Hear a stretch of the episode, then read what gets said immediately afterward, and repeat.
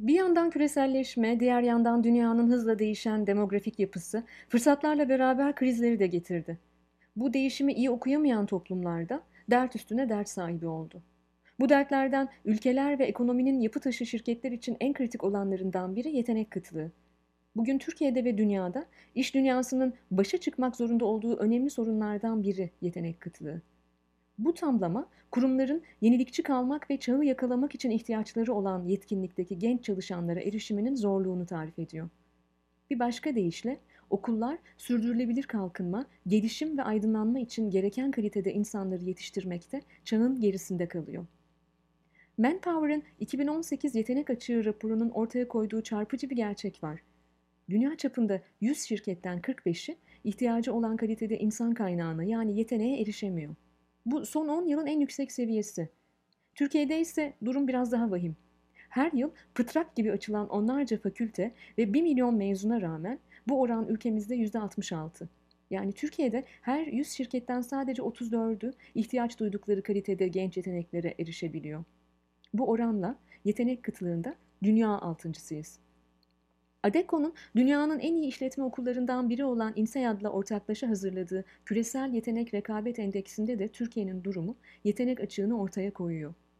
2018 yılında Türkiye, üniversitelerinden mezun olan gençlerin küresel iş yaşamındaki rekabet gücünde 125 ülke içinde 68. sıradayken bu yıl 74. sıraya geriledi.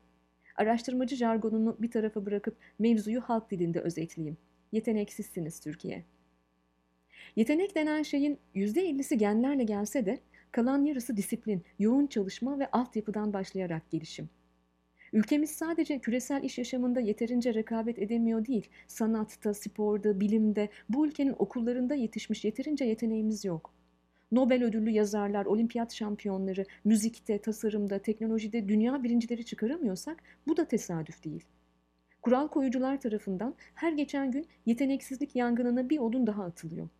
Vasatlığın sığ havuzunun ebadı adeta bile isteye genişletiliyor. Geçtiğimiz ay YÖK Genel Kurulu YKS'ye hazırlanan 2,5 milyon öğrenciyi ilgilendiren önemli bir karar aldı. Buna göre yüksek öğretim kurumlarında bugüne kadar özel yetenek sınavıyla öğrenci alan 14 bölüme 2020 YKS'de merkezi yerleştirmeyle öğrenci yerleştirilecek. Bu bölümler neler mi? Çizgi film, grafik, grafik resimleme ve baskı, grafik tasarım, moda giyim tasarımı, moda tasarımı, moda ve tekstil tasarımı, rekreasyon, spor bilimleri, spor yöneticiliği, tekstil, tekstil geliştirme ve pazarlama, tekstil tasarımı, tekstil ve moda tasarımı. İşte bu 14 farklı alanda kişi yeteneksiz de olsa ezberciliğin ödüllendirildiği bir sınav sistemiyle alabileceği yüksek puan sayesinde istediği üniversiteye girebilecek. Yetenekli ama çoktan seçmeli merkezi sınavda gerekli puanı alamayan bir diğeri ise heba olacak. Yani memlekette bir kez daha nitelik değil nicelik, liyakat değil biat, mazruf değil zarf, aydınlar değil tüccarlar kazanacak.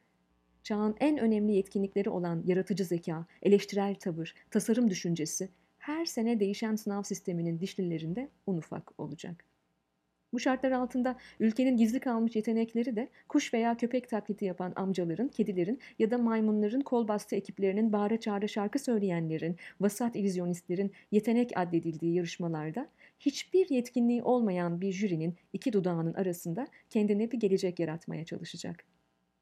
Yüksek uygarlığın merdiveni sanattır demiş Michelangelo. Biz o merdivenlerden yuvarlanarak iniyoruz.''